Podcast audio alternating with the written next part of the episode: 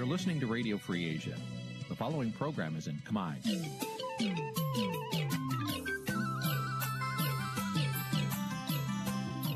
នេះជាកម្មវិធីផ្សាយ Vuthu Azizi Serai នេះជាកម្មវិធីផ្សាយរបស់ Vuthu Azizi Serai ជាភាសាខ្មែរ Vuthu Azizi Serai សូមស្វាគមន៍លោកអ្នកនាងទាំងអស់ពីរដ្ឋធានី Washington នៃសហរដ្ឋអាមេរិក។ ចាប់ផ្សាយផ្ទាល់ពីរដ្ឋធានី Washington នាងខ្ញុំខែសុណងសូមជម្រាបសួរលោកនាងកញ្ញាប្រិយមិត្តអ្នកស្ដាប់និងអ្នកទស្សនាការផ្សាយរបស់វិទ្យុអាស៊ីសេរីទាំងអស់ជាទីមេត្រីចា៎នាងខ្ញុំសូមជូនកម្មវិធីផ្សាយសម្រាប់យប់ថ្ងៃប្រហ័ស15កើតខែផលគុណឆ្នាំឆ្លូវត្រីស័កពុរសករាជ2565ដែលត្រូវនៅថ្ងៃទី17ខែមិនិនាគ្រិស្តសករាជ2022ចា៎ជាដំបូងនេះសូមអញ្ជើញលោកនាងស្ដាប់ព័ត៌មានប្រចាំថ្ងៃដែលមានមេត្តាដូចតទៅ thank you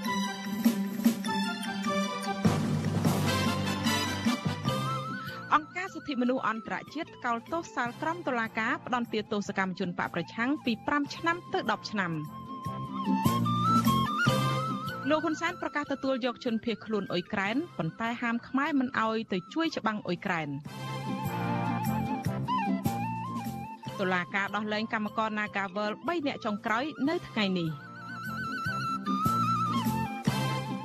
លោកហ៊ុនសែនលុបចោលលក្ខខណ្ឌនៃការធ្វើដំណើរខ្លះដើម្បីតេទៀងការវិនិយោគនិងវិស័យទេសចររួមនឹងព័ត៌មានសំខាន់ៗមួយចំនួនទៀត។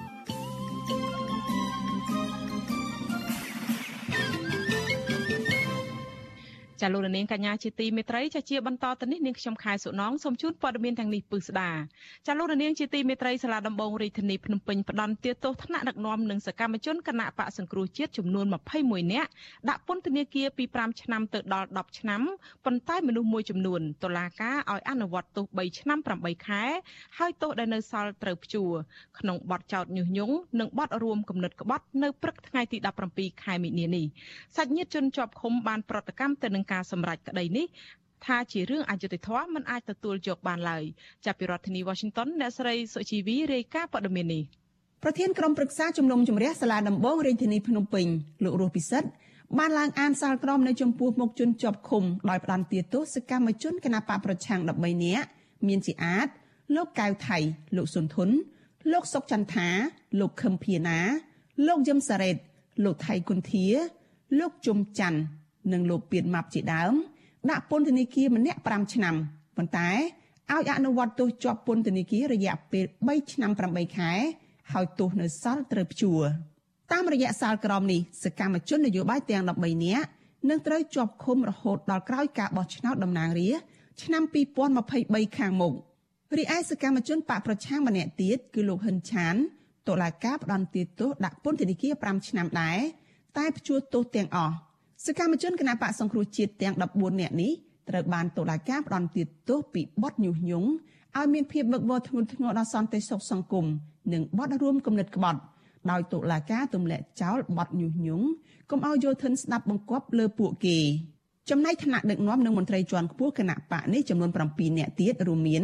លោកសំរងស៊ីអ្នកស្រីមូសុខហួរ លោកអេងឆៃអៀងនិងមនុស្សមួយចំនួនទៀតតុលាការបានកាត់ក្តីកម្បាំងមុខដោយផ្ដន្ទាទោសដាក់ពន្ធនាគារម្នាក់10ឆ្នាំ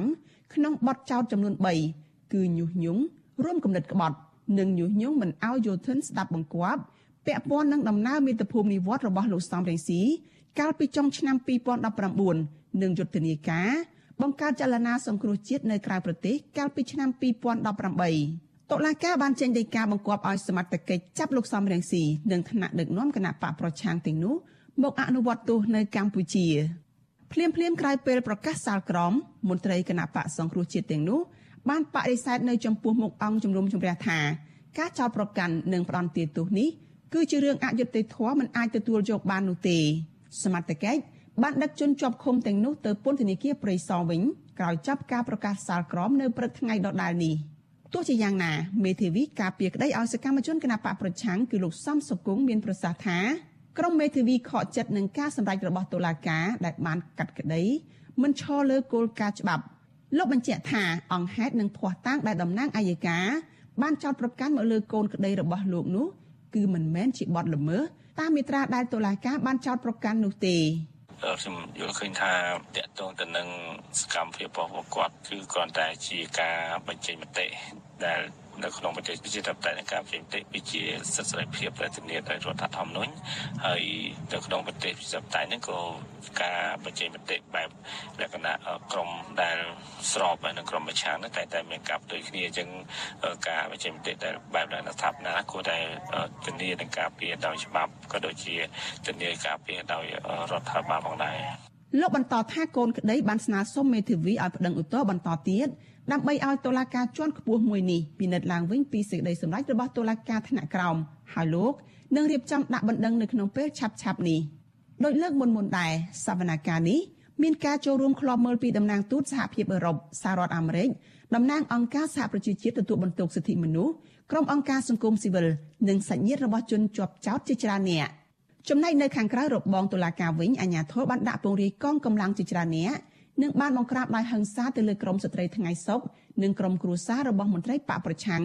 ដែលកំពុងឃ្លាំមើលនៅខាងមុខតុលាការ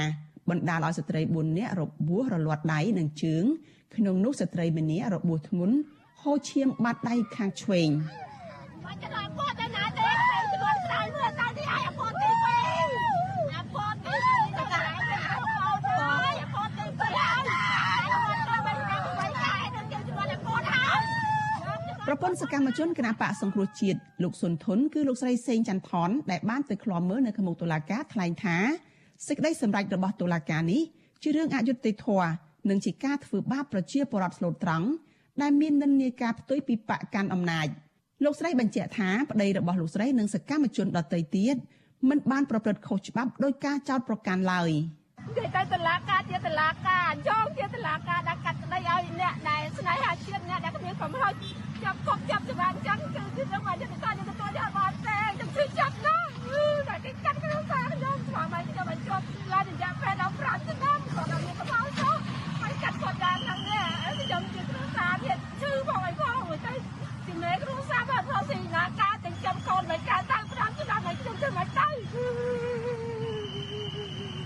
វិទ្យុអាស៊ីសេរីមិនអាចតាក់ទងแนะនាំពាក្យសាលាដំបងរាជធានីភ្នំពេញលោកអ៊ីរិនដើម្បីសូមអត្ថាធិប្បាយជុំវិញបញ្ហានេះបានទេនៅថ្ងៃទី17ខែមិនិនាជុំវិញរឿងនេះប្រធានសមាគមការពារសិទ្ធិមនុស្សអាត6លោកនីសុខា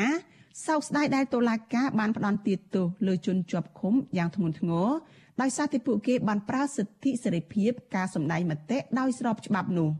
លោកបញ្ជាក់ថាការសម្ដែងរបស់តុលាការនេះ នឹងមានការរិះគន់កាន់តែខ្លាំងពីសហគមន៍ជាតិនិងអន្តរជាតិមកលើរដ្ឋាភិបាលឯកបក ចំពោះការសម្រេចរបស់តុលាការនេះនឹងមានការរិះគន់បន្តទៅទៀតចំពោះស្ថាប័នយុតិធធ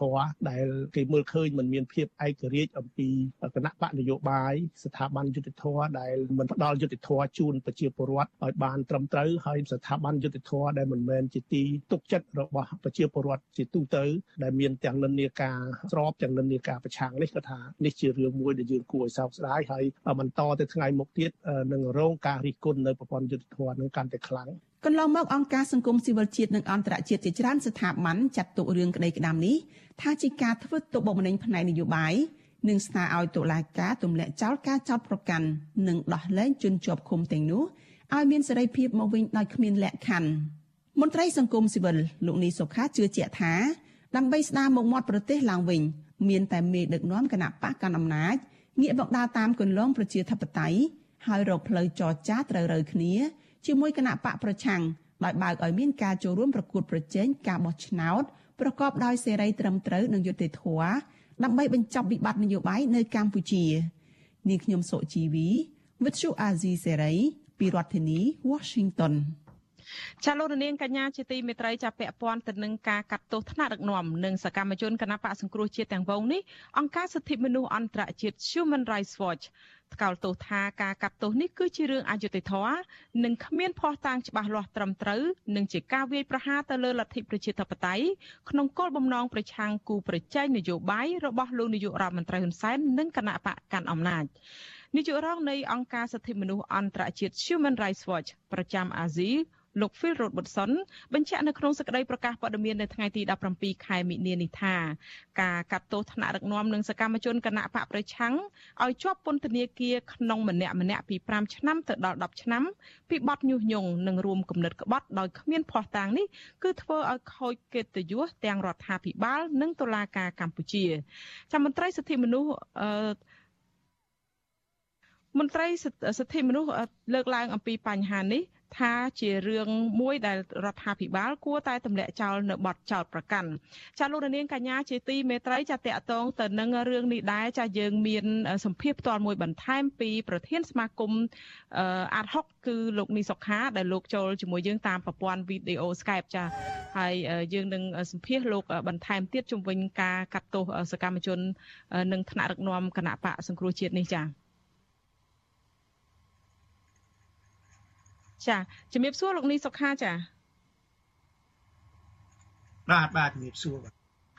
ចាលោកនីសុខាលោកបានលើឲ្យសេចក្តីព័ត៌មានសេចក្តីរាយការណ៍អំពីការដែលតុលាការថ្ងៃនេះប្រកាសកាត់ក្តីទៅលើថ្នាក់ដឹកនាំសហជីពថ្នាក់ដឹកនាំ គណៈបកសង្គ្រោះជាតិទាំងអស់ហ្នឹងហើយលោកនីសុខាតើលោកយល់ឃើញយ៉ាងម៉េចដែរចំពោះការចោទប្រកាន់ថ្នាក់ដឹកនាំនិងសកម្មជនគណៈបកប្រឆាំងទាំងក្រុមកាត់ម្ដងជាង20រូបនេះហើយកាត់ទោសនឹងដាក់ធ្ងន់រហូតដល់ពី 5ឆ្នាំទៅដល់10ឆ្នាំអីដូចនេះលោកបានលើកឡើងនៅក្នុងសេចក្តីរាយការណ៍របស់អ្នកស្រីសុជីវីមុននេះបន្តិចហើយថាមិនគួរទេហើយជារឿងអយុត្តិធម៌តើលោកមានអ្វីបន្ថែមលើសនឹងទៅទៀតថាដែលលោកហៅថារឿងនេះជារឿងនយោបាយមិនគួរកាត់ដល់ប៉ុណ្ណឹងនោះចា៎បាទបើយើងពិនិត្យមើលទៅលើការដំណើរការនៃការកាត់សេចក្តីមួយរយៈកាលកន្លងមកនេះយើងឃើញថា វាមានករណីខ្លះដែល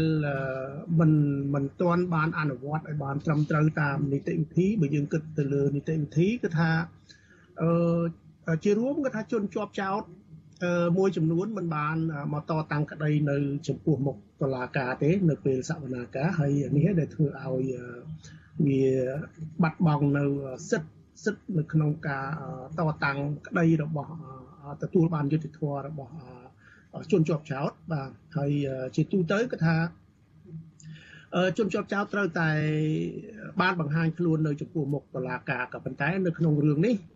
អឺជនជាប់ចោតបែរជាចង់មកចូលក្នុងការបង្ហាញខ្លួននៅមុខតុលាការដើម្បីមកតតាំងក្តីប៉ុន្តែបែរជា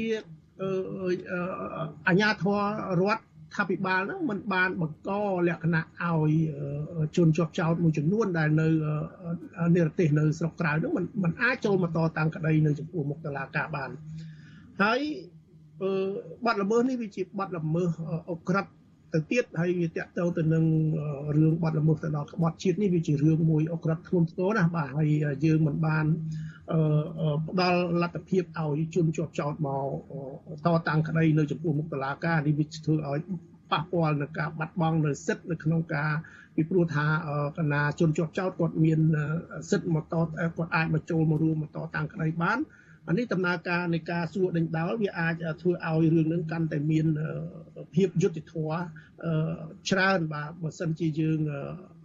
ជាងដែលយើងមិនឲ្យជនជាប់ទៅចោតនឹងមកមកតតាំងក្តីហើយនឹងបើយើងមើលចំពោះរឿងនីតិវិធីវិញយើងឃើញថាវានៅមានបញ្ហាខ្វះចន្លោះច្រើនណាស់នៅក្នុងបញ្ហានីតិវិធីកន្លងមកនេះហើយដែលមានការដេញដោលនិងមានការទៀមទាពីភាគីកូនក្តីរហូតទៅដល់យើងដឹងហើយថាភាគីកូនក្តីនឹងព្យាយាមចង់មកចូលតតាមក្តីនឹងប៉ុន្តែមានការខៀខាំងច្រើនអំពី ហើយយើងមិនដឹងច្បាស់ទេថាហេតុអីបានរដ្ឋាភិបាលនៅតែបន្តខៀខាំងមិនឲ្យកូនក្តីចូលបន្តតាំងបើសិនជាយើងចង់ផ្ដល់ភាពយុត្តិធម៌មួយឲ្យបានត្រឹមត្រូវវាទល់តែយើងបើកអនុញ្ញាតឲ្យមានការតតាំងក្តីហើយរឿងមួយទៀតដែលយើងគួរឲ្យ សង្កេតមើលទៅគួរឲ្យគេហៅថាចាប់អារម្មណ៍ដែរនោះគឺថានៅពេលដែលតុលាការលោកសម្រេចដាក់ទោសទណ្ឌហើយនឹងបែរជាបញ្ជាទៅសមត្ថកិច្ចនឹងឲ្យមានការទៅចាប់អ្នកដែលត្រូវបានផ្ដន្ទាទោសនឹងយកមកដាក់ទោសទណ្ឌនៅដាក់ទោសទណ្ឌមានន័យថាទៅចាប់ខ្លួនប៉ុន្តែនៅពេលដែលអ្នកនោះមានន័យថាអ្នកដែលនិរទេសខ្លួននោះគាត់សុំចូលខ្លួនមកប្រទេសកម្ពុជាបែរជារដ្ឋាភិបាលនឹង យើងដឹងកាលពីក្នុងចន្លោះប្រហែលនេះមុនហ្នឹងគាត់ថាគេហៅថា9វិច្ឆិកាហ្នឹងគឺមានការត្រៀមរៀបចំកម្លាំងនៅតាមបណ្ដោយព្រំដែនមួយចំនួនហ្នឹងគាត់ថាខ្លាំងណាស់បាទដើម្បីទប់ស្កាត់ក្នុងន័យមួយមិនឲ្យភៀកគីដែលជនជាប់ចោតចូលមកក្នុងស្រុកខ្មែរដើម្បីតតាំងក្តីនេះវាជារឿងមួយដែលយើងឃើញថាវាមានហាក់បីដូចជាមានការប្រទើងប្រទះគ្នាទៅនឹងផ្លូវច្បាប់ខ្លះ ចំណែករឿងមួយទៀតដែលយើងគួរឲ្យមានការ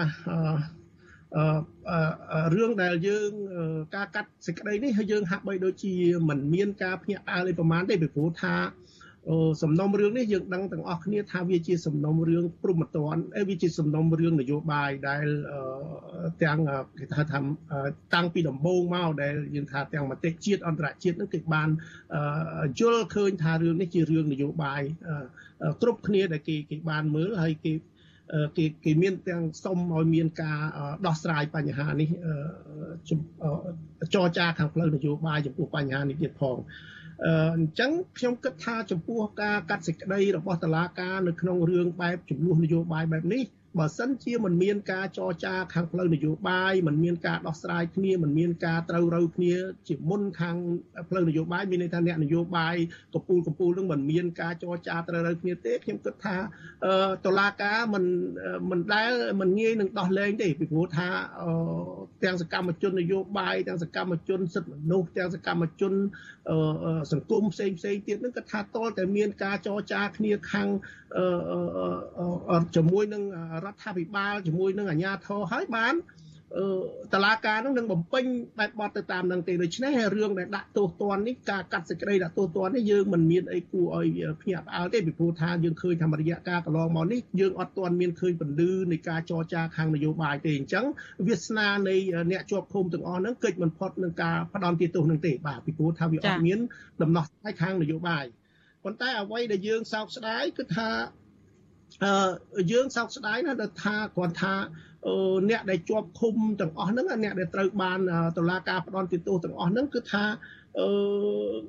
ជារួមមកក៏ថាបទល្មើសនេះជាបទល្មើសគេហៅថាក្បត់ជាតិដូច្នេះបើសិនជាយើងមើលអំពីអត្តន័យនៃក្បត់ជាតិនោះក៏ថាវាហាក់បីដូចជា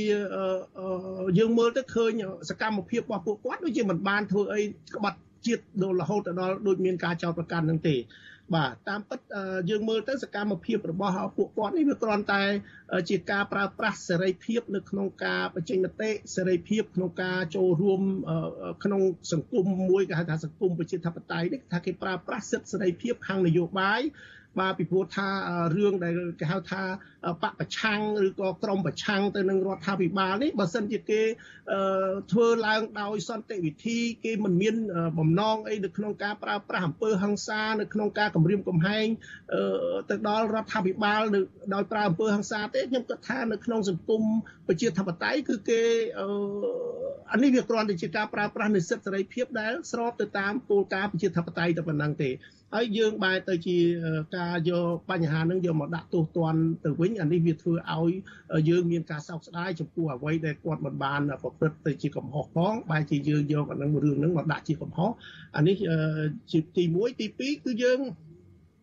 សោកស្ដាយដែរដែលប្រទេសកម្ពុជាយើងដែលយើងថាជាប្រទេសប្រកាន់យកនៅគេហៅថាគោលការណ៍ប្រជាធិបតេយ្យសេរីពហុបកណាឲ្យមានការគោរពសិទ្ធិមនុស្ស ដូច្នេះដល់ពេលប្រជាពលរដ្ឋប្រើប្រាស់សិទ្ធិរបស់ខ្លួននៅក្នុងការ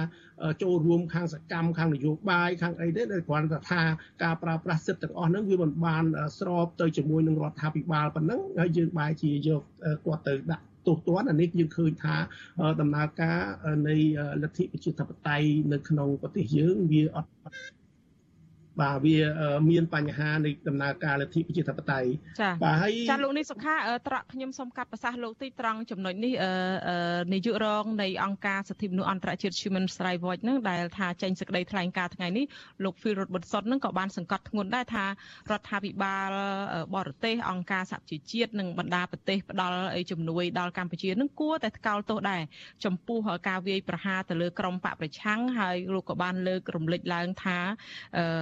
នឹងជាជាការវាយប្រហារទៅលើលទ្ធិប្រជាធិបតេយ្យដែលនៅសេសសល់ចុងក្រោយនៅប្រទេសកម្ពុជា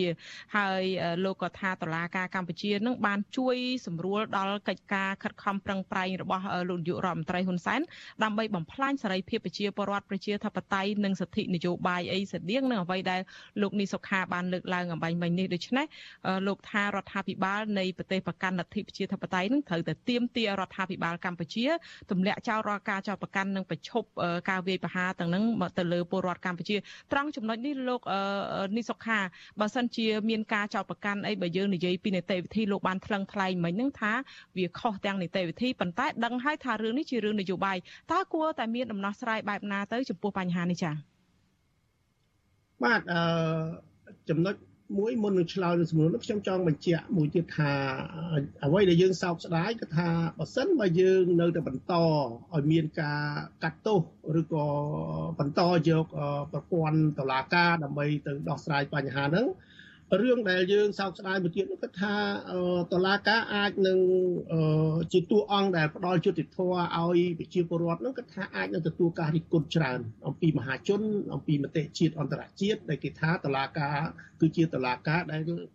មិនឯករាជ្យជាតឡាការដែលនៅក្រោមសម្ពាធនៃនយោបាយអានឹងជាជាហោជាហែកន្លងមកហើយដែលយើងធ្លាប់បានឮទាំងអស់គ្នាហើយរឿងមួយទៀតនោះគឺថាទៅថ្ងៃមុខវាអាច បើសិនជាយើងនៅបន្តរឿងនឹងអញ្ចឹងទៀតកម្ពុជាអាចនឹងជួបនៅបញ្ហា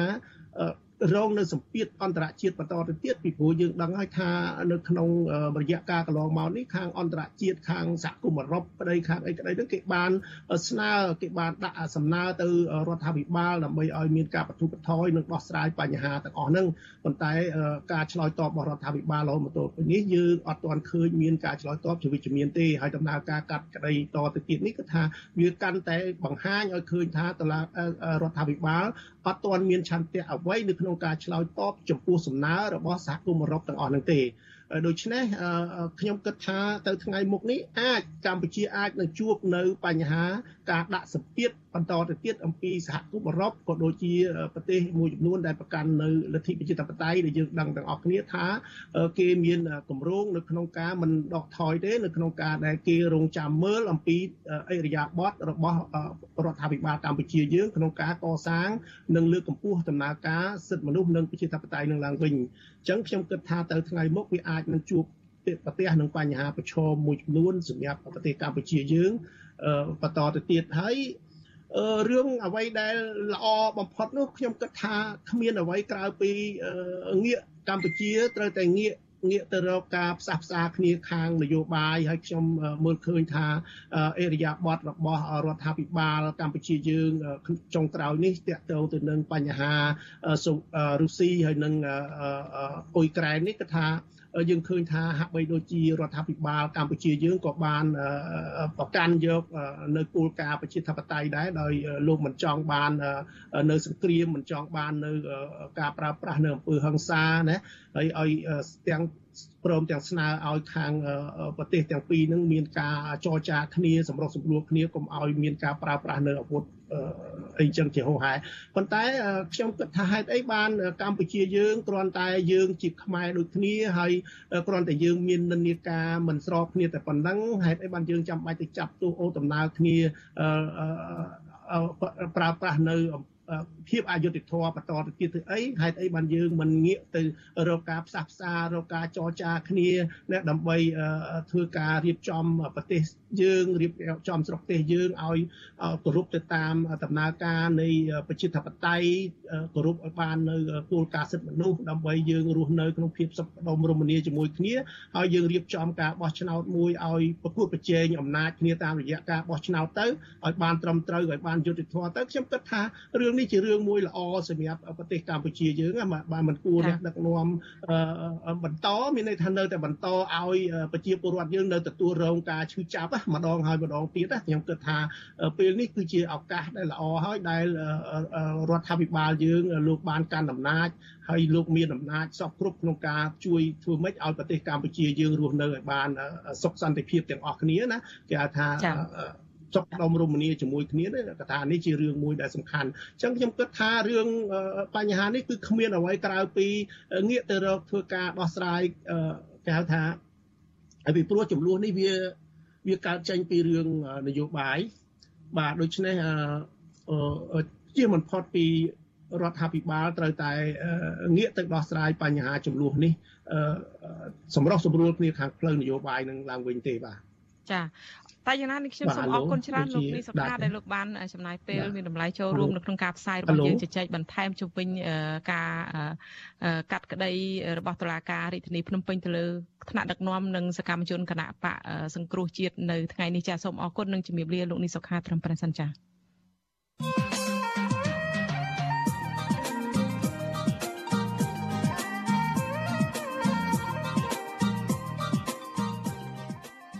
ចចាលោកនាងកញ្ញាជាទីមេត្រីលោកហ៊ុនសែនមិនគ្រាន់តែស្ថិតនៅក្នុងចំណោមមេដឹកនាំម្នាក់ដែលក្រាញអំណាចបានយូរជាងគេក្នុងពិភពលោកប៉ុណ្ណោះទេ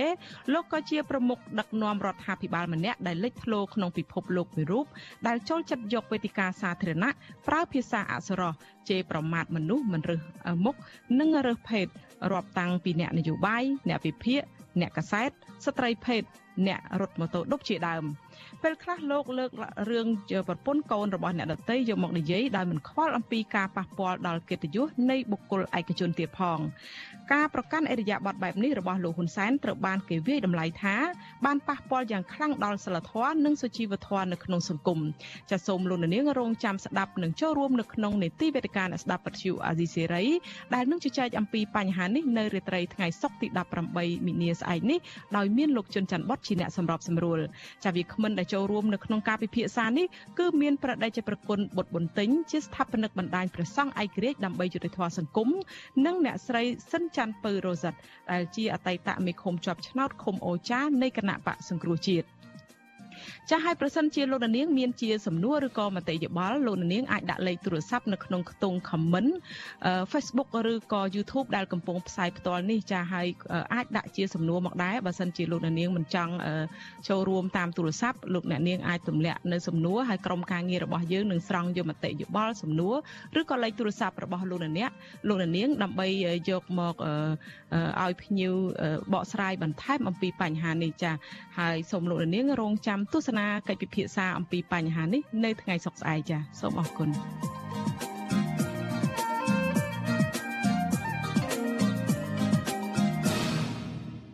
ចាលោកនាងកញ្ញាជាទីមេត្រីចាដំណើរគ្នាដែលលោកនាងកំពុងទស្សនាការផ្សាយរបស់យើងតាមបណ្ដាញសង្គម Facebook និង YouTube នេះចាលោកនាងក៏អាចស្ដាប់វិទ្យុរលក ធាតុអាកាសខ្លី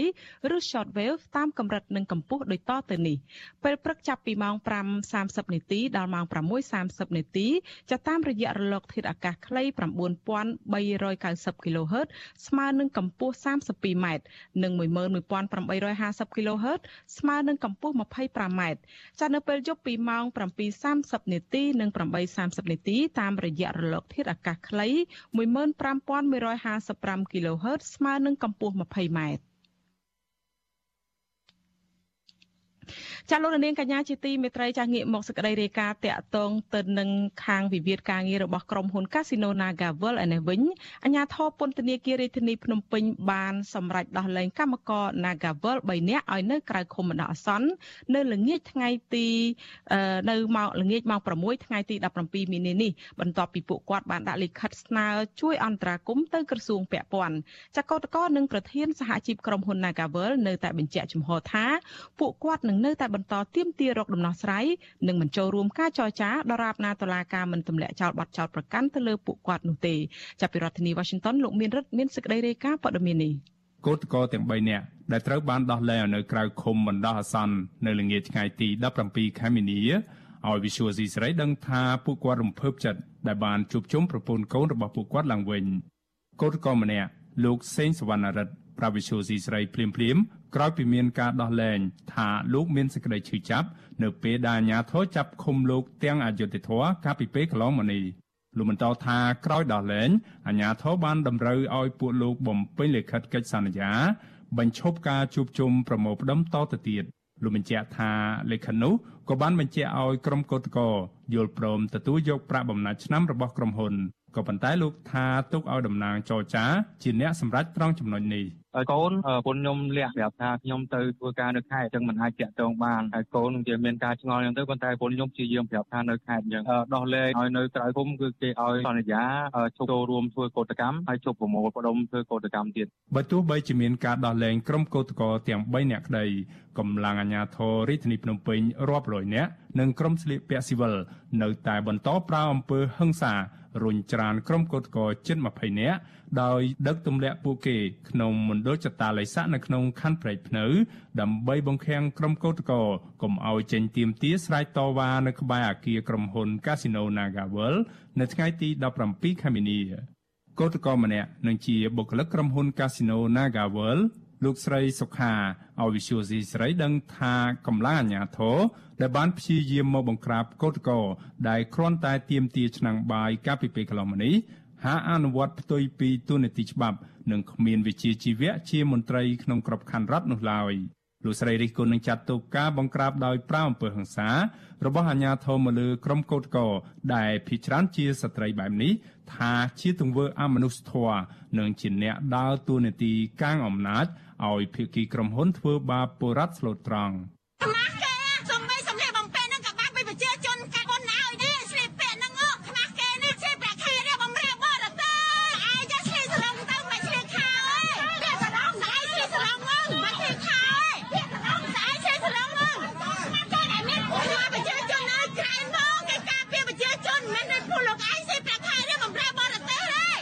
វិសុយស៊ីស្រីមិនអាចតាក់ទងแนะនាំពាក្យក្រសួងកាងារលោកហេងសួរអភិបាលក្រុងភ្នំពេញលោកខួងស្រេងនិងអ្នកនាំពាក្យស្នងការដ្ឋាននគរបាលរាជធានីភ្នំពេញ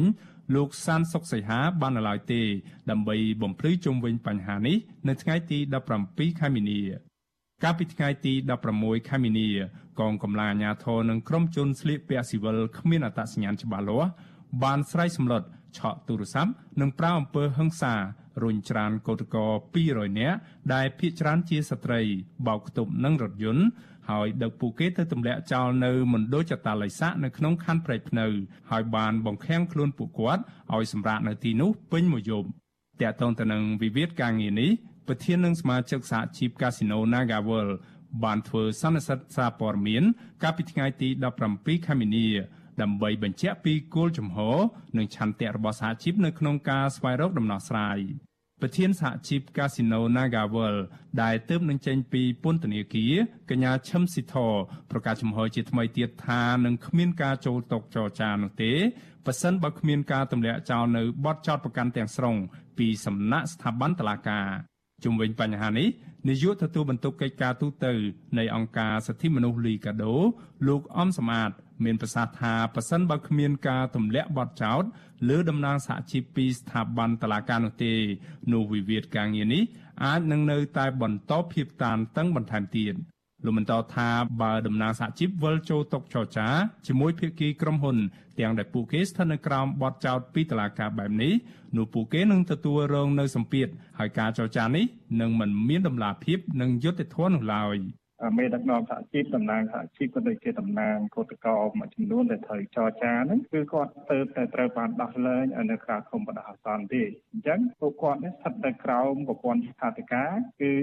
ក្រោមនីតិវិធីរបស់តុលាការពួកគាត់អាចនឹងរងនៅសម្ពាធមួយតាមផ្លូវច្បាប់យើងមើលទៅហាក់បីដូចជាមិនទាន់មានសេរីភាពពេញលេញណាចឹងបើសិនជាទម្លាក់បទចោទប្រកាន់ទៅគឺវាមានសេរីភាពពេញលេញដោយគ្មានគំនាបណាមួយអញ្ចឹងអាចធ្វើការចរចាដោយពេញលេញកោតកោជាង200នាក់ដែលអាជ្ញាធរបានដឹកយកទៅបង្ខាំងនៅមណ្ឌលចតាល័យស័កក្នុងខណ្ឌព្រែកភ្នៅនេះមកដល់ល្ងាចថ្ងៃទី17ខែមីនានេះអាជ្ញាធរនៅមិនទាន់ដោះលែងពួកគាត់ឲ្យត្រឡប់ទៅផ្ទះនៅឡើយទេខ្ញុំបានមេរិត Visual C ស្រីរាយការណ៍ពីរដ្ឋធានី Washington ចាលោករនាងកញ្ញាជាទីមេត្រីចាតកតងទៅនឹងសេចក្តីរាយការណ៍របស់លោកមានរិទ្ធពីរឿង តុលាពន្ធខាងមន្ត្រីពន្ធនាគារដោះលែងកោតកោ Nagawal 3នាក់នេះគឺយើងមានសម្ភារបន្ថែមមួយគឺកោតកោមួយរូបក្នុងចំណោម3រូបនឹងដែលគាត់ទៅតែចេញពីពន្ធនាគារហើយដែលយើងសម្ភារគាត់នេះគឺគាត់គឺជា សកម្មជនសហជីពនិងជាបុគ្គលិកដែលក្រុមហ៊ុនបញ្ឈប់ពីការងារនឹងគឺលោកសៅសម្បត្តិចាស់ហើយលោកចូលជាមួយយើងតាមប្រព័ន្ធវីដេអូ Skype ជំរាបសួរលោកចាលោកសៅសម្បត្តិចាបាទបាទជំរាបសួរបងចា លោកសៅសម្បត្តិយ៉ាងម៉េចទៅដែរសុកទុករយៈពេលប្រមាណមកនេះដែលខាងអាជ្ញាធរចាប់លោកទៅនឹងជាមួយប្រហែលជាទាំងអស់គ្នាសរុប11នាក់ហ្នឹងឥឡូវបានចេញទាំងអស់គ្នាហើយ11នាក់ក្នុងថ្ងៃនេះលោកជា3នាក់នេះគឺជាចុងក្រោយហើយតើ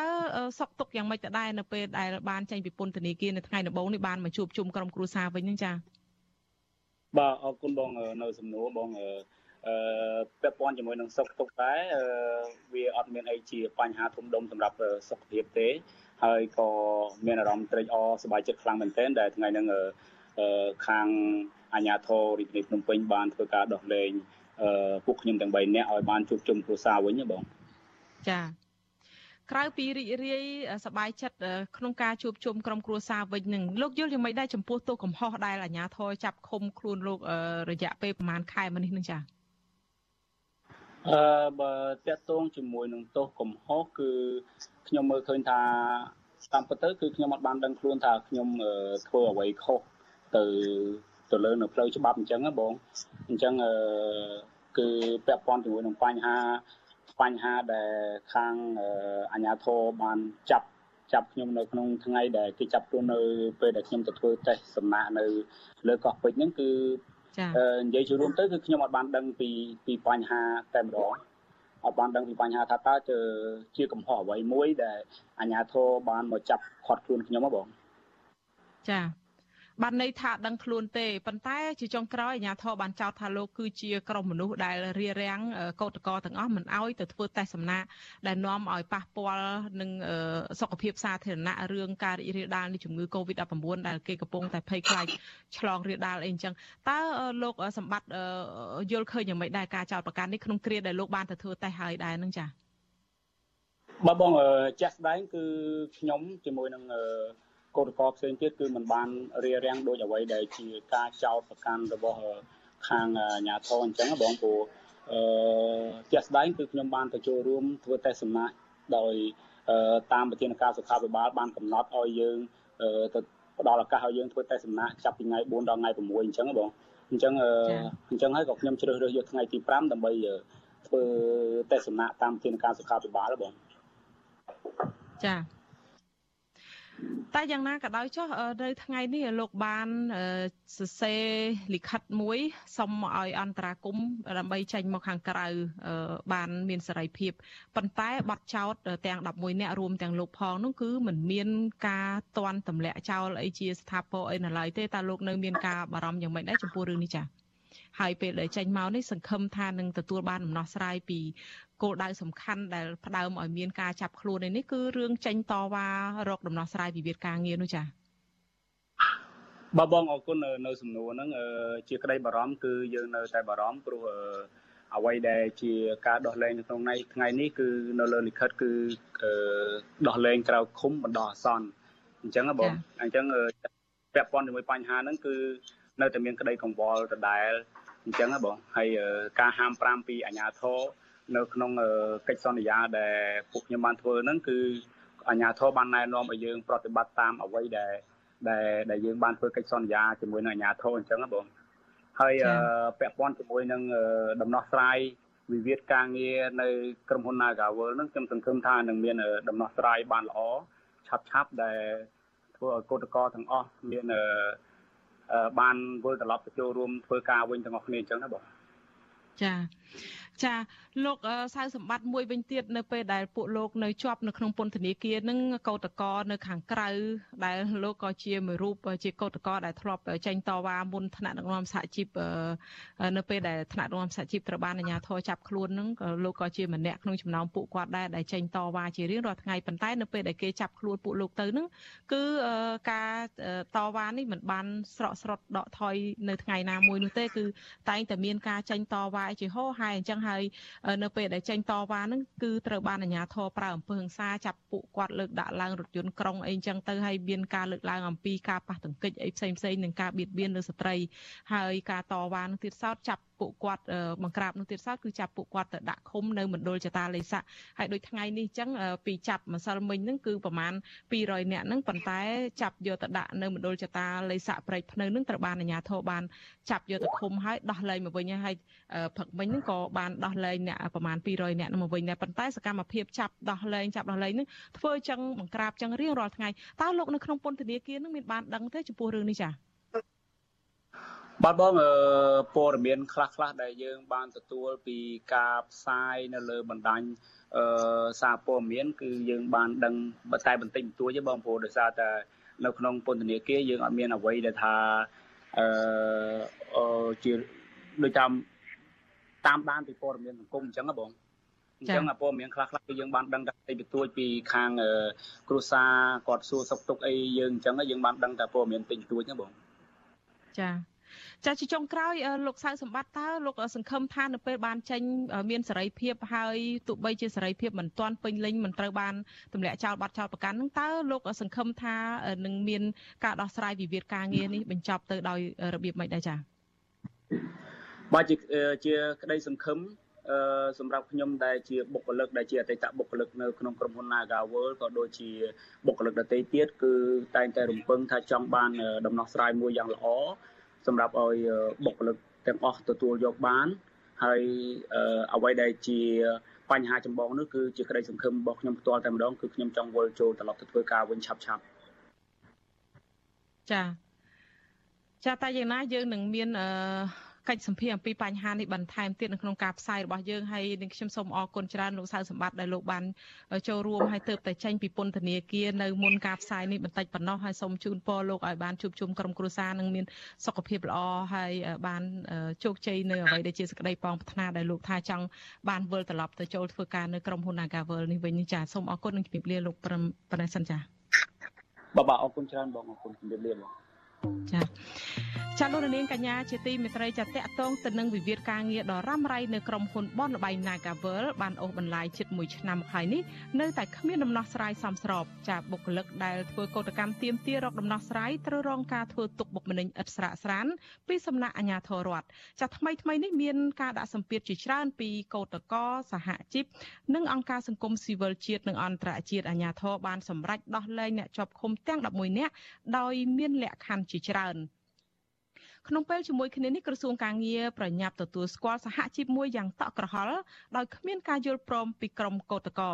តើនេះជាសុចន្ទៈសុឆន្ទៈពិតប្រកបក្នុងការជួយរកដំណោះស្រាយជូនកម្មករដែរឬទេចាសសូមលោកនាងរងចាំទស្សនាកិច្ចពិភាក្សាអំពីបញ្ហានេះលម្អិតនៅក្នុងការផ្សាយរបស់យើងនៅពេលបន្តិចទៀតនេះចា៎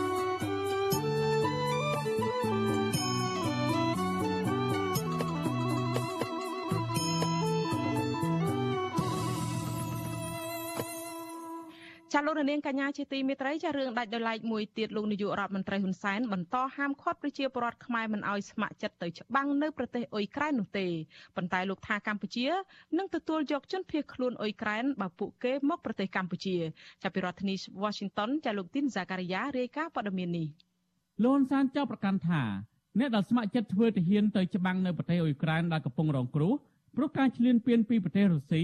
ដោយសារតែពួកគេចង់បានសញ្ជាតិអ៊ុយក្រែន។ លោកបន្តថាបញ្ហានេះបង្កគ្រោះថ្នាក់ដល់អាយុជីវិតនិងជាការយកសាំងទៅចាក់លើភ្លើងខ្ញុំនៅតែមិនអនុញ្ញាតឲ្យប្រជាពលរដ្ឋកម្ពុជាធ្វើទាហានស្ម័គ្រចិត្តទៅច្បាំងនៅអ៊ុយក្រែនអ្នកណាចង់ទៅសូមជួយប្រទេសណាទៅទៅទៅប៉ុន្តែពលរដ្ឋកម្ពុជាហាមអត់ទេទុកឲ្យគេចរចាទៅគេស្វែងរកដំណោះស្រាយទៅអ្នកខ្លះចង់បានសញ្ជាតិអ៊ុយក្រែនទៅមកភ្លេតទៅ rồi ត្រឡប់មកវិញអានោះទៅទៅគេបាញ់រត់រវល់យកខ្ញុំមិនលើកទឹកចិត្តទេអារឿងនេះ លន់សានថ្លែងដូចនេះក្នុងពិធីដាក់ឲ្យប្រើប្រាស់ភូមិកូម៉ា SOS នៅក្នុងខេត្តព្រៃវែងកម្ពុជានិងប្រទេសប្រមាណជាង100ទៀតកាលពីថ្ងៃទី2មីនាបានអនុម័តសេចក្តីសម្រេចរបស់អង្គការសហប្រជាជាតិទាមទារឲ្យរុស្ស៊ីដកកងទ័ពនិងបញ្ឈប់សង្គ្រាមនៅប្រទេសអ៊ុយក្រែនលោកហ៊ុនសែនក៏ហាងដែរថាកម្ពុជាត្រៀមខ្លួនធ្វើការងារមនុស្សធម៌ក្នុងករណីជនជាតិអ៊ុយក្រែនភៀសខ្លួនមកកម្ពុជាគឺកម្ពុជាទទួលយកជនភៀសខ្លួនទាំងនោះ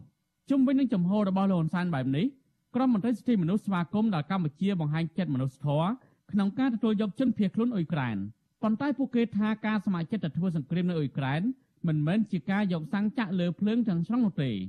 ប្រធានអង្គការសម្ព័ន្ធភាពការពារសិទ្ធិមនុស្សកម្ពុជាហៅថាច្រាក់លោករុសុថាមានប្រសាសន៍ថាលោកក៏សរសើរទឹកចិត្តបរដ្ឋនៅប្រទេសមួយចំនួនដែលស្ម័គ្រចិត្តទៅការពារការឈ្លានពានរបស់រុស្ស៊ីទៅលើប្រទេសអ៊ុយក្រែនលោកបន្តថារូបភាពបែបនេះកម្រកើតមានណាស់ ដែលប្រជាពលរដ្ឋនៅតាមប្រទេសនានាជំវិញពិភពលោកសូម្បីតែប្រជាពលរដ្ឋថៃដែលនៅក្បែរខាងកម្ពុជាក៏ស្ម័គ្រចិត្តទៅធ្វើជាទាហានជួយការពារទឹកដីអ៊ុយក្រែនដែរជាបបធរថ្មីមួយដែលយើងមានការកោតសរសើរហើយការសរសើរនោះគឺដែលយើងដឹងហើយថាការទៅសង្គ្រាមគឺមិនមែនទៅបានស្រួលទេគឺថាវាមានការរស់និងស្លាប់បាទប៉ុន្តែគេហ៊ានលះបង់អាយុជីវិតហ្នឹងព្រោះអីព្រោះថាដើម្បីយុត្តិធម៌របស់ប្រទេសអ៊ុយក្រែនណាហើយបើសិនជាយើងមិនជួយទេអ៊ុយក្រែននឹងវាប់ដល់គេហៅថាចំណុចណា រីឯនាយកទទួលបន្ទុកកិច្ចការទូតនៃអង្គការលីកាដូលំសំអាតលើកឡើងថាការចូលរួមរបស់បរតតាមប្រទេសនានាចូលធ្វើជាទាហានស្ម័គ្រចិត្តពីព្រោះពួកគេមានការជឿឆ្អាលទៅនឹងការរំលោភបំពាននិងមានចិត្តចង់បញ្ឈប់សង្គ្រាមមិនឲ្យរៀលដាលតទៅទៀតទោះជាណាលោកថាចំពោះបរតកម្ពុជាវិញនៅពេលប្រមុខរដ្ឋាភិបាលប្រកាសបែបនេះគឺមានន័យថាកម្ពុជាមានទទួលស្គាល់នឹងការសម្រេចចិត្តរបស់បរតកម្ពុជាបើសិនជាមានបរតណាទៅធ្វើទាហានស្ម័គ្រចិត្តនៅអ៊ុយក្រែននោះ អានឹងគឺជាទឹកចិត្តដែលគេមើលឃើញហើយគេស្រឡាញ់ទៅលើប្រទេសអ៊ុយក្រែនស្រឡាញ់លើប្រជាជនអ៊ុយក្រែនណាបាទប៉ុន្តែអានឹងវាអាស្រ័យទៅលើរដ្ឋាភិបាលនៃប្រទេសមួយមួយផងដែរ ហើយជាធម្មតាទីយើងទទួលស្គាល់ថាបណ្ដាប្រទេសនៅក្នុងពិភពលោកជាពិសេសកម្ពុជាយើងក៏ត្រូវការសន្តិភាពហើយសន្តិភាពមិនមែនសន្តិភាពតែប្រទេសមួយទេគឺសន្តិភាពទាំងពិភពលោកបានប្រជាពលរដ្ឋទូទាំងពិភពលោកនឹងមានសន្តិភាពដូចគ្នាបាទចំណែកអមរិជនពួកគណៈបកសង្គ្រោះជាតិលោកដួងចន្ទ្រាដែលកំពុងភៀសខ្លួននៅប្រទេសថៃយល់ថាការប្រកាសរបស់លោកហ៊ុនសែនបែបនេះព្រោះលោកហ៊ុនសែនធ្លាប់ជំពាក់គុណរុស្ស៊ីមិនមែនជាការយកសាំងទៅចាក់លើភ្លើងដោយសម្ដេចមានប្រសាសន៍ទេ តាំងពិតទៅយើងទៅជួយអ្នករងគ្រោះពីរបបផ្ដាច់ការដែលកំពុងតែវាទីនិយមមកលើរបបប្រជាធិបតេយ្យកាលម៉ាញ់សម្ដេចនាយកគាត់ដូចជាដែរគាត់កំពុងតែស្ថិតនៅក្រោមរបបកុម្មុយនីសអញ្ចឹងហើយបានជាគាត់គម្រាមកំហែងថាបើជនណាដែលជួយអ៊ុយក្រែនគឺដូចជាយកសាំងចាក់លើភ្លើងមិនមែនជាការពិតទេគឺទៅជួយពន្លត់ភ្លើង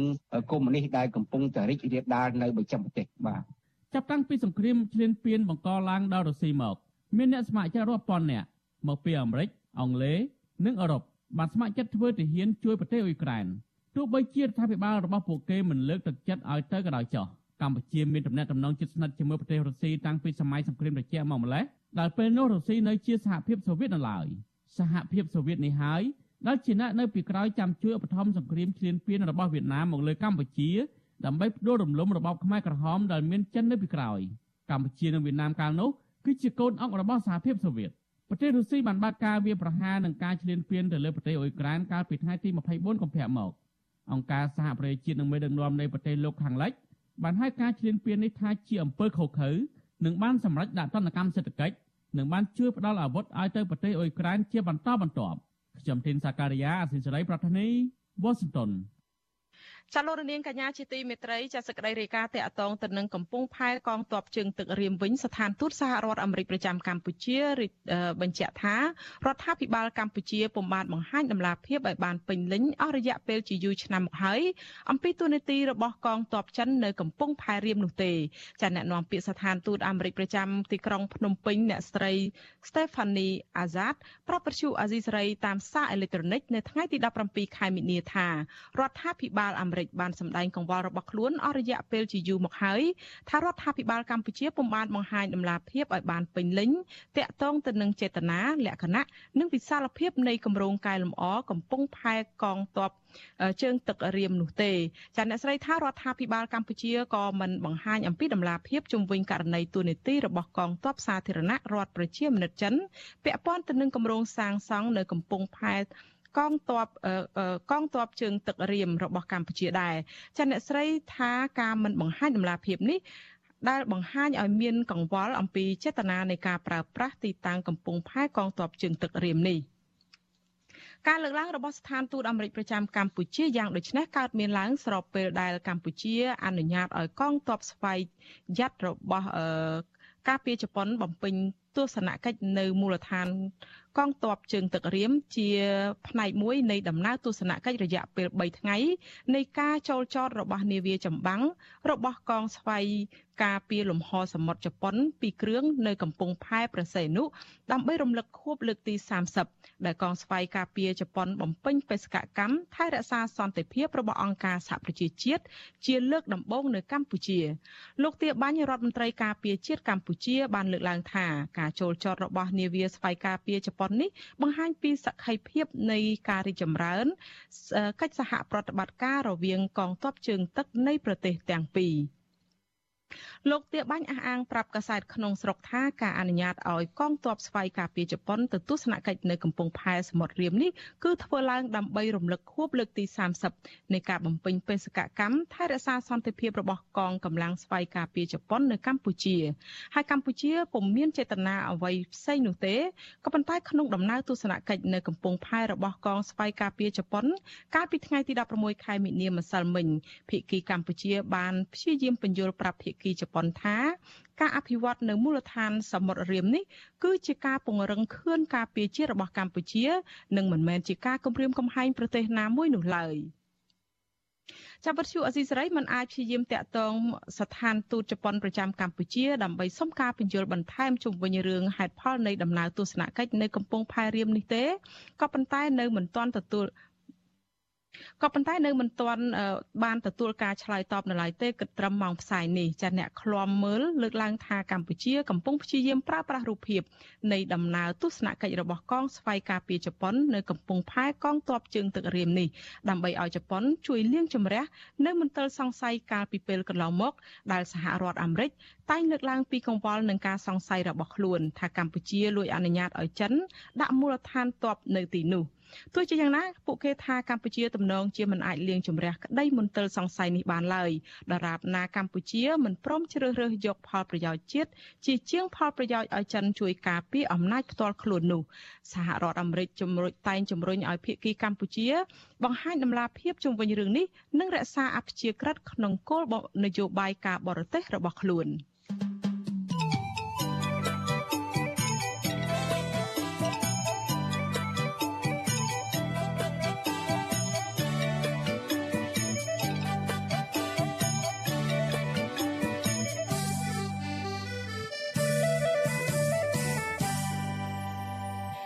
ចាលោកនាងកញ្ញាជាទីមេត្រីចាងាកទៅសេចក្តីរាយការណ៍ពីខេត្តស្ទឹងត្រែងវិញម្ដងពលរដ្ឋជាង100គ្រួសារបន្តទៀមទាឲ្យអាជ្ញាធរខេត្តនេះចាត់វិធានការច្បាប់លើក្រុមឈ្មួញដែលកាប់រៀននិងឈូសឆាយដីព្រៃសាធារណៈរបស់រដ្ឋអស់រាប់ពាន់ហិកតានៅរយៈពេលជិត1ឆ្នាំចុងក្រោយនេះអ្នកភូមិថាពួកគាត់បានកំណត់អត្តសញ្ញាណមេខ្លោងដែលជាប់ពាក់ព័ន្ធករណីនេះរួចហើយនិងបានស្នើឲ្យអាជ្ញាធរខេត្តចាត់វិធានការច្បាប់ចាប់ពីរដ្ឋធានី Washington លោកលេងម៉ាលីរាយការណ៍ព័ត៌មាននេះ ពលរដ្ឋ6នាក់តំណាងឲ្យពលរដ្ឋ132គ្រួសាររស់នៅភូមិក្របីជ្រុំឃុំក្បាលរមាសស្រុកសេសានព្រួយបារម្ភពីវិនិស្សកម្មព្រៃឈើធំធេងស្ថិតនៅគៀកភូមិកំណើតរបស់ពួកគាត់ក្រុមពលរដ្ឋទាំងនោះបានផ្តិតមេដាយប្តឹងសុំកិច្ចអន្តរាគមន៍ពីអាជ្ញាធរខេត្តស្ទឹងត្រែងកាលពីចុងឆ្នាំ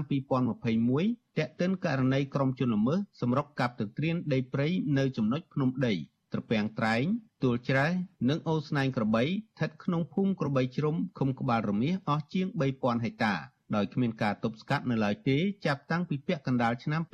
2021រហូតមកដល់ពេលនេះ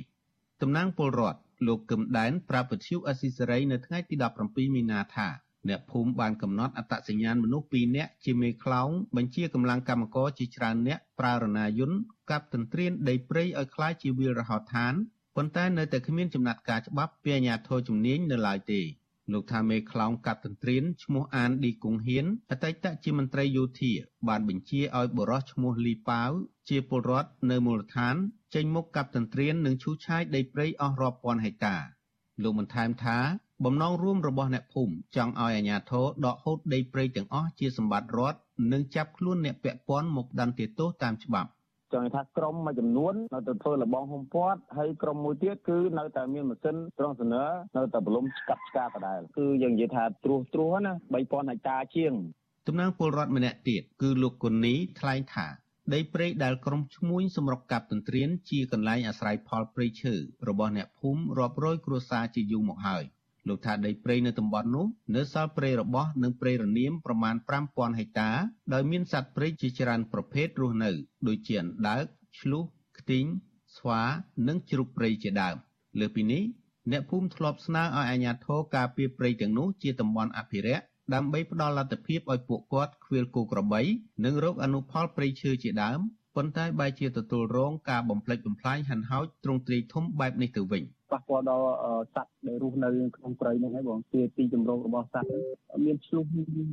មានមានសត្វមានសរសៃមានអីមានសាច់សត្វគោក្របីយើងហើយជាវាវាទៅរស់ទីម្ដុំហ្នឹងបងឆ្លើយតបរឿងនេះលោកលីប៉ាវដែលពលរដ្ឋបានប្តឹងចោទប្រកាន់បានផ្ដាច់ទូរស័ព្ទនៅពេលវិទ្យុអស៊ីសេរីសួរនាំអំពីបញ្ហានេះចំណែកអតីតមន្ត្រីយោធាលោកអានគិកលោកអានឌីគង្ហៀងបដិសេធការចោទប្រកាន់នេះដោយលោកចាត់ទុកថាជារឿងមិនពិត លោកបញ្ជាក់ថាលោកមិនជាប់ពាក់ព័ន្ធกับរៀនដីព្រៃទាំងនេះទេហើយលោកថាការចោទប្រកាន់នេះអាចជារឿងគំនុំ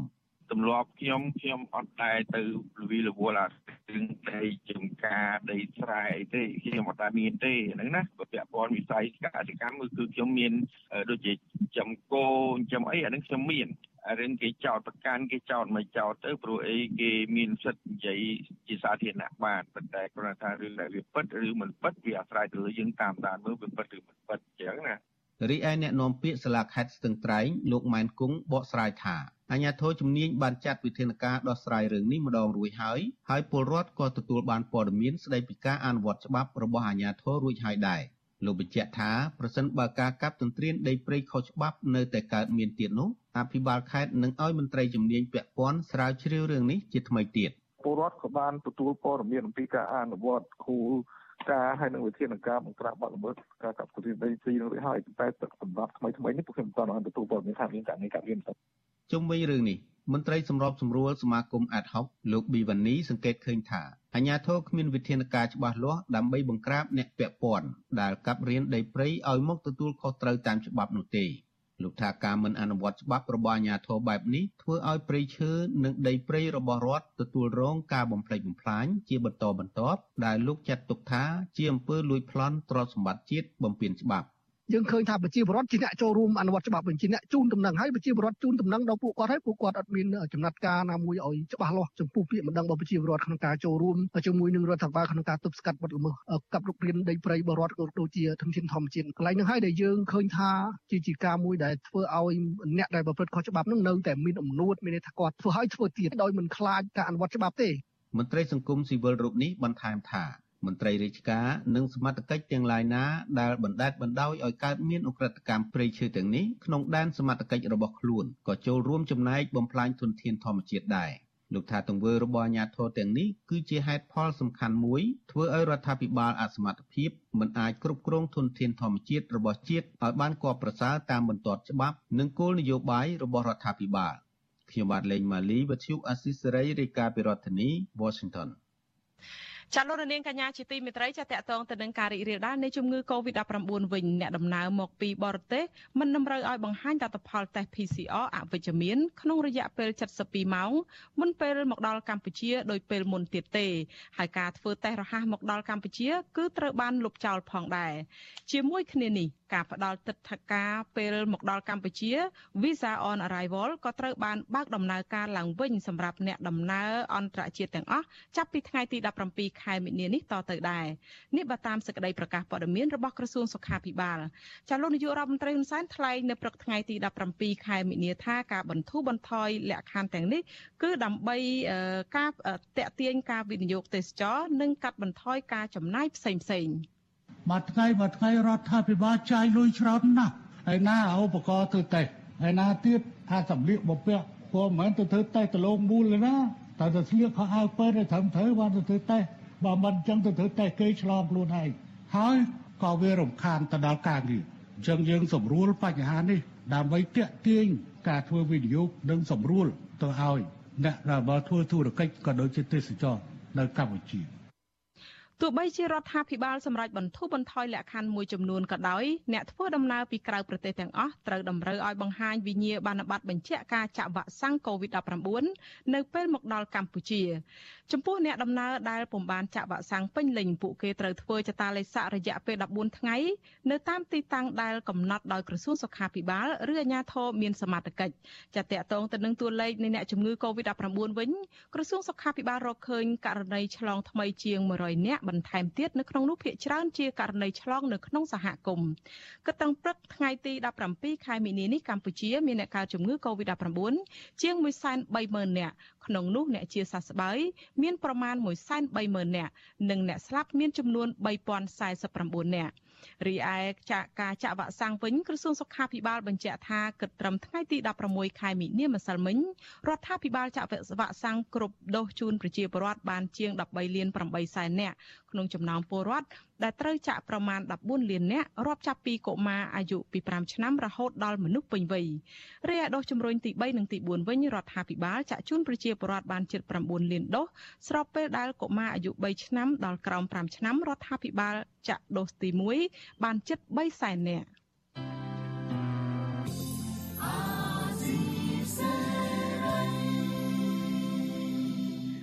ចាលោកនាងកញ្ញាជាទីមេត្រីនៅពេលបន្តិចទៀតនេះគឺម៉ោង8:30នាទីលោកនាងដែលស្ដាប់ការផ្សាយរបស់យើងផ្សាយផ្ទាល់តាមវិទ្យុរលកធាតុអាកាសខ្លីឬ shortwave លោកនាងនឹងមិនលឺការផ្សាយរបស់យើងទៀតទេ